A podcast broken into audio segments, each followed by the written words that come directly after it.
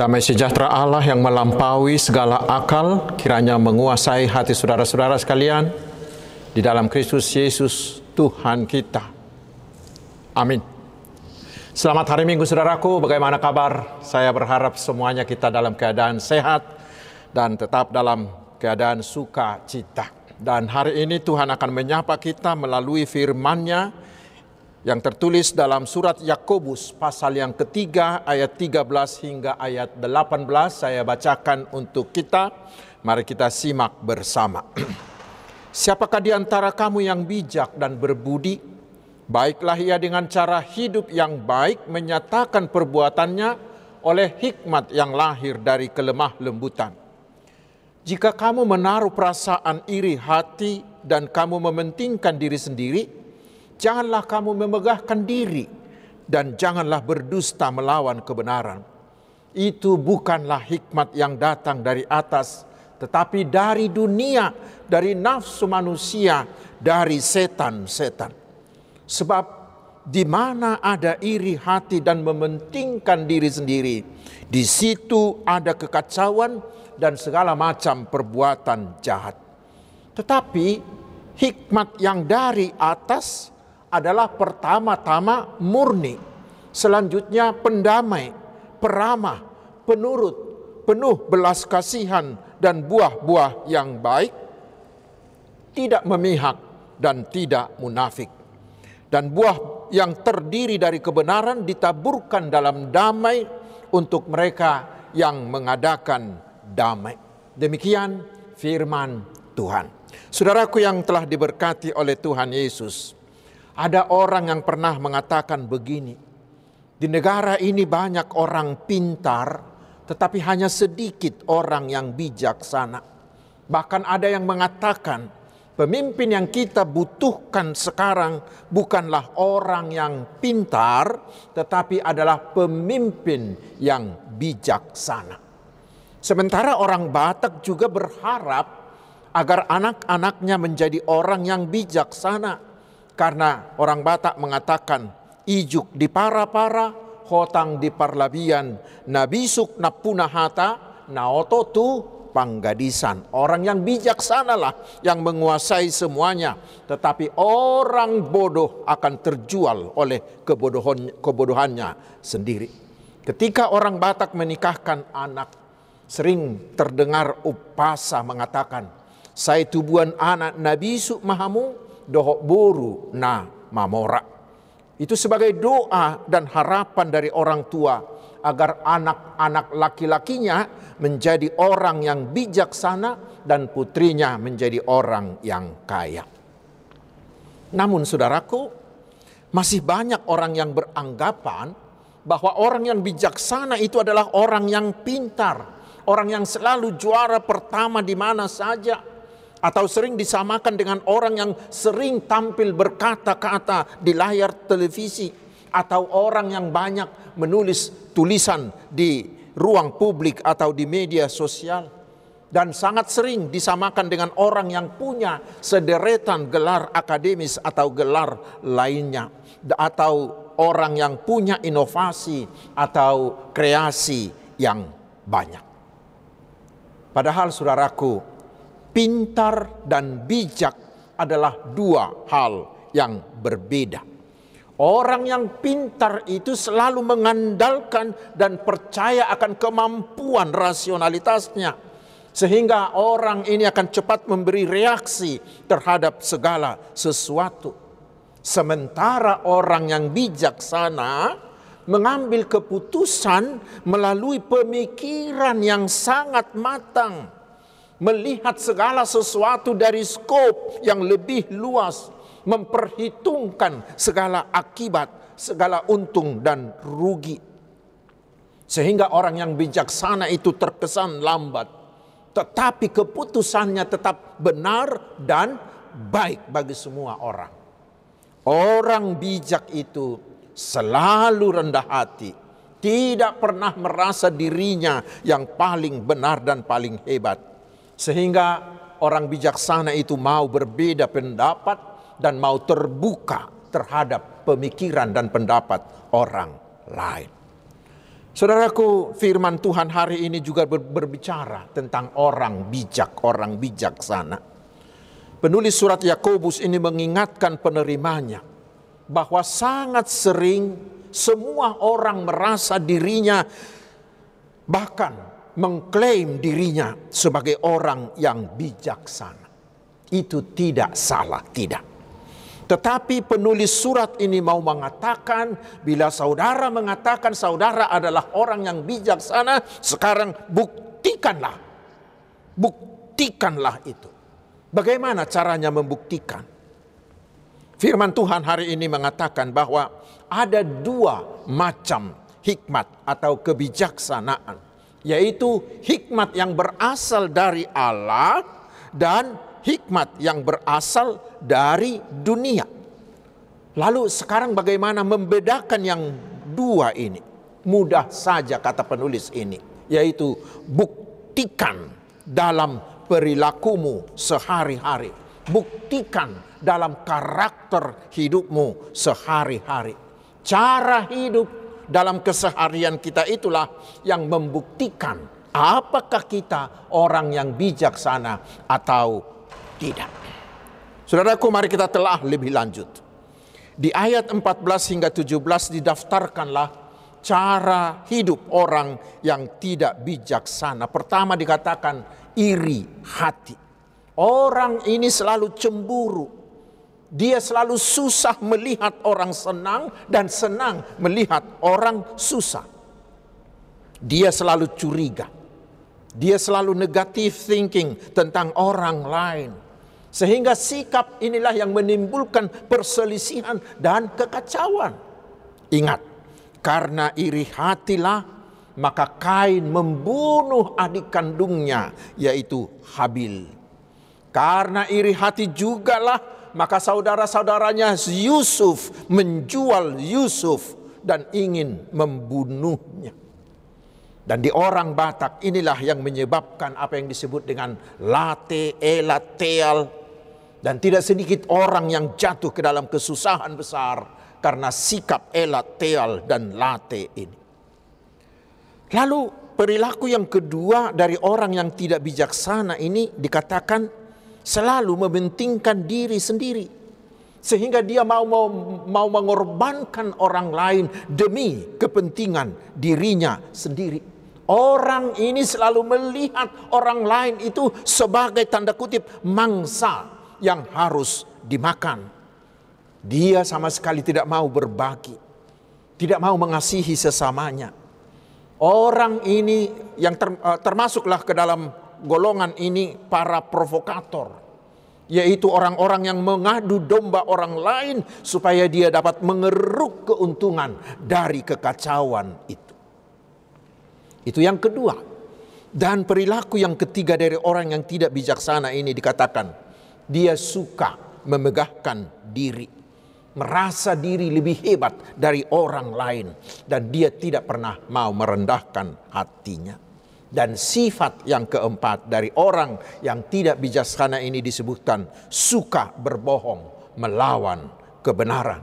Dia hanya sekedar berlagak padahal sebenarnya itu bohong belaka. Saudaraku, itulah perilaku dari orang-orang yang tidak bijaksana yang di ayat 16 disebutkan akan menimbulkan perselisihan, menimbulkan kekacauan, menimbulkan ketidakadilan dan kesewenang-wenangan. Itulah hasil dari hikmat duniawi yang berasal dari keinginan duniawi untuk memuaskan hasrat-hasrat duniawinya. Mereka pintar melakukan segala hal, tetapi untuk memuaskan hasrat-hasrat duniawinya. Hikmat seperti ini dikatakan berasal dari setan yang selalu melawan kebenaran Allah. Memang saudaraku, Orang yang tidak yang tidak bijaksana ini sering tampil sangat mengesankan. Sering tampil dengan memukau. Tetapi sebenarnya mereka adalah musa, musang berbulu ayam. Mereka sebenarnya adalah setan berwajah malaikat.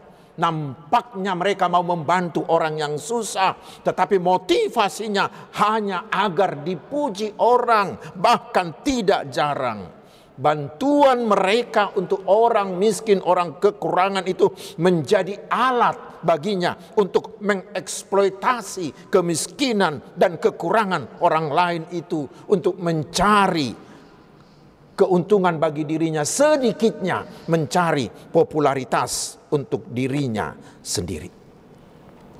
Saudaraku, firman Tuhan hari ini mengingatkan kita, janganlah ada orang yang membanggakan hikmat seperti itu.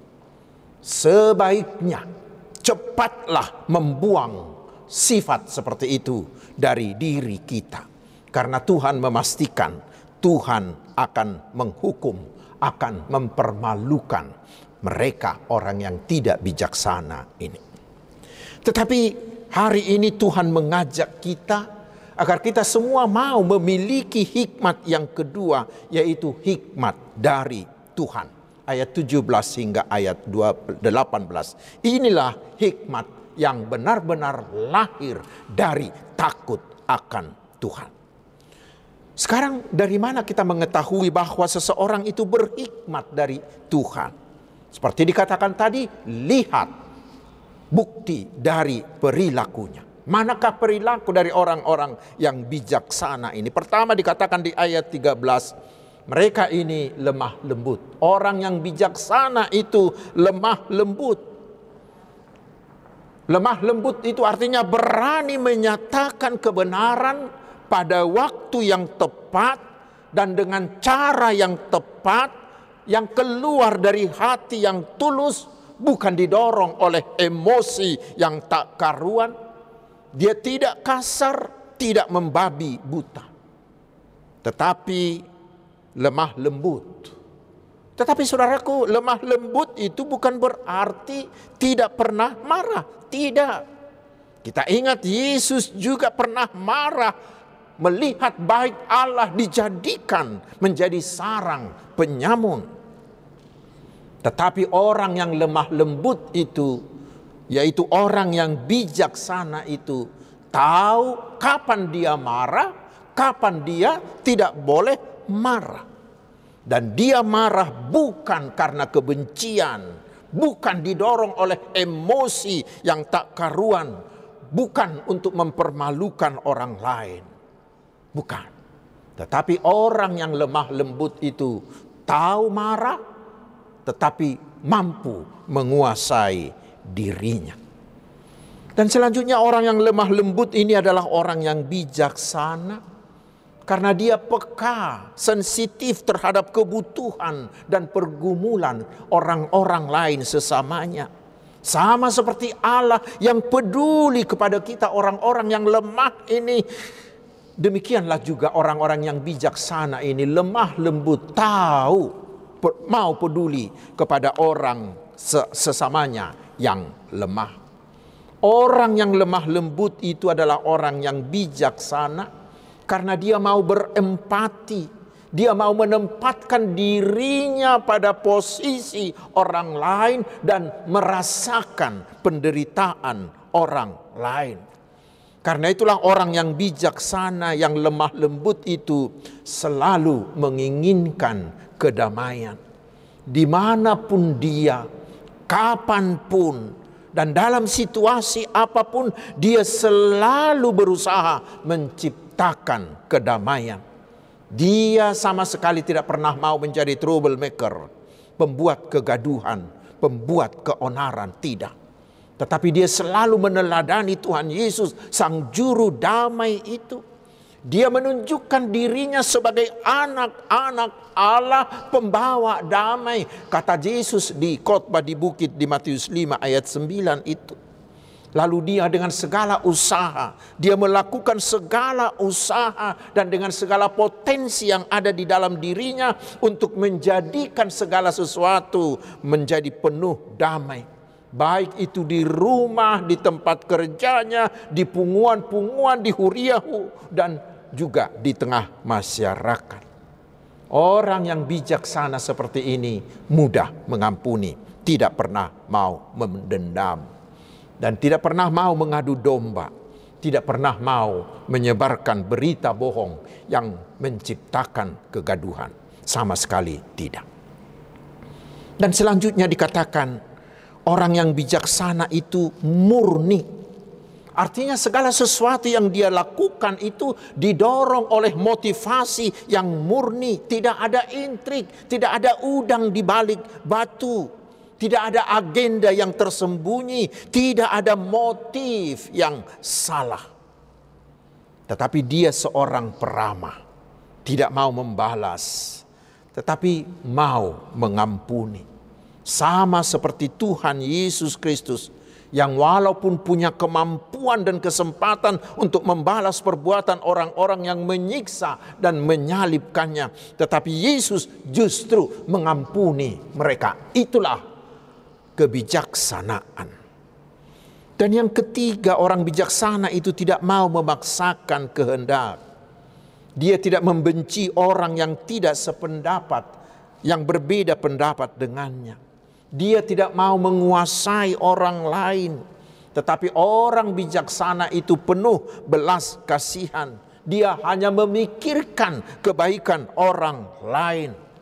Karena itulah orang yang bijaksana itu suka seperti saya katakan tadi, suka mengampuni seperti Tuhan Yesus, suka membantu dan tidak pernah berpikir untuk mengambil keuntungan dari orang lain tidak mau memperalat orang lain untuk mengangkat harkatnya, mengangkat pendapatannya, atau mengangkat popularitasnya. Saudara-saudaraku yang dikasihi Tuhan Yesus Kristus,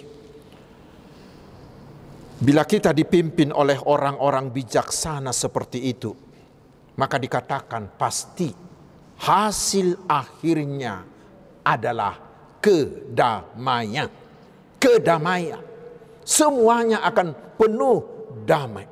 Dan kedamaian itulah yang kemudian memberikan kita sukacita, memberi kita ketenangan, memberi kita kenyamanan, memberi kita ketenteraman dan dari situlah kita menikmati damai sejahtera yang melimpah.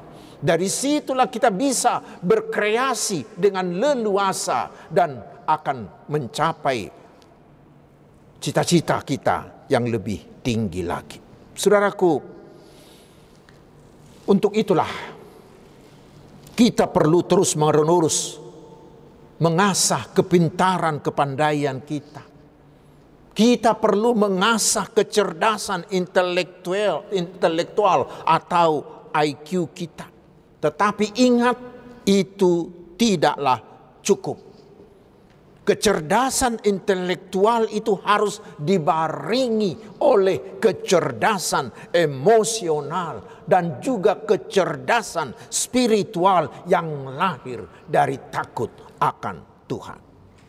Ingat, untuk menjadi sukses, untuk menjadi bahagia, untuk menjadi penuh sukacita, kecerdasan intelektual itu harus dibalut oleh kecerdasan emosional dan kecerdasan spiritual. Itulah orang-orang yang bijaksana. Tentu sekali saudaraku, kita semua menginginkan agar kita, agar anak-anak kita, agar keturunan kita dan orang-orang di sekitar kita Terutama kita menginginkan agar pemimpin-pemimpin kita adalah orang-orang bijaksana seperti itu. Karena itulah firman Tuhan hari ini mengajak kita. Mari kita membangun diri kita, membangun anak-anak kita, membangun karakter keturunan kita agar mereka menjadi orang-orang yang bijaksana, yang takut akan Tuhan.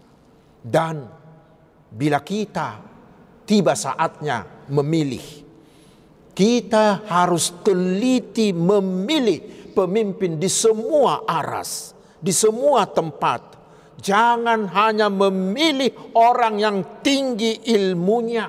Jangan hanya memilih orang yang pintar berkata-kata yang bisa memukau orang-orang, menghipnotis dengan kata-katanya.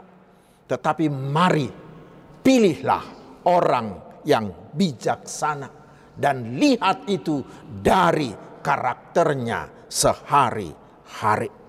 Kehadiran dan kepemimpinan orang yang berhikmat dari Tuhan. Oh, yang orang yang bijaksana. Itulah orang yang akan membuat hidup kita menjadi tenang, menjadi nyaman, menjadi penuh sukacita dan penuh damai sejahtera. Dan pasti kita semua menginginkan agar keluarga kita, agar rumah kita, agar huria kita, agar masyarakat kita menjadi komunitas yang menyenangkan, komunitas yang penuh damai, sejahtera, dan komunitas yang harmonis, bukan? Kuncinya, saudaraku, mari kita semua membangun diri kita, membangun anak-anak kita menjadi orang-orang yang bijaksana, yang berhikmat dari Tuhan. Tuhan Yesus memberkati. Amin. Mari kita berdoa. Terima kasih Tuhan atas firman-Mu. Bentuklah kami semua bersama dengan anak-anak dan keturunan kami menjadi orang-orang yang berhikmat dari Tuhan, menjadi orang yang bijaksana, sehingga rumah kami, keluarga kami, masyarakat kami, huria dan bangsa kami menjadi komunitas yang harmonis, yang tenang, yang nyaman, yang penuh damai sejahtera, saling membantu. Jauhkan dari kami orang-orang yang bodoh, yang berhikmat dari dunia yang hanya akan menyusahkan kami. Ya Tuhan kami serahkan seluruh hidup kami ke tangan-Mu. Biarlah Tuhan yang mengatur seluruh hidup kami. Menunjukkan jalan untuk kami jalani. Karena kami tahu Tuhan akan memberikan yang terbaik bagi kami. Ya Tuhan kami memohon segeralah hapuskan virus COVID ini dari antara kami agar kami bisa hidup normal seperti sedia kala. Sembuhkanlah saudara-saudara kami yang sakit karena engkaulah tabib agung kami. Kuatkanlah kami di kala kami bersedih, di kala kami mengalami pergumulan atau menghadapi ragam persoalan dan badai kehidupan ini. Teguhkan Tuhan iman kami. Ya Tuhan berkatilah saudara-saudara kami yang berulang tahun kelahiran dan ulang tahun pernikahan di minggu-minggu ini. Kami mohon juga berikanlah pekerjaan bagi yang mencari pekerjaan. Tunjukkanlah jodoh yang sepadan bagi mereka yang sudah lama merindukan. Dan lahirkanlah anak di keluarga yang sudah lama menunggu. Karena engkaulah Allah yang maha kuasa. Tidak ada yang mustahil bagimu. Kami mohon berkatilah pekerjaan kami dan berilah kami kesuksesan demi kesuksesan. Ya Tuhan berkatilah gerejamu dan para hambamu, terutama para penginjil-penginjil di mana pun mereka. Berilah keberhasilan agar semakin banyak orang yang percaya kepada Tuhan Yesus. Hanya dalam nama Yesus kami berdoa. Amin.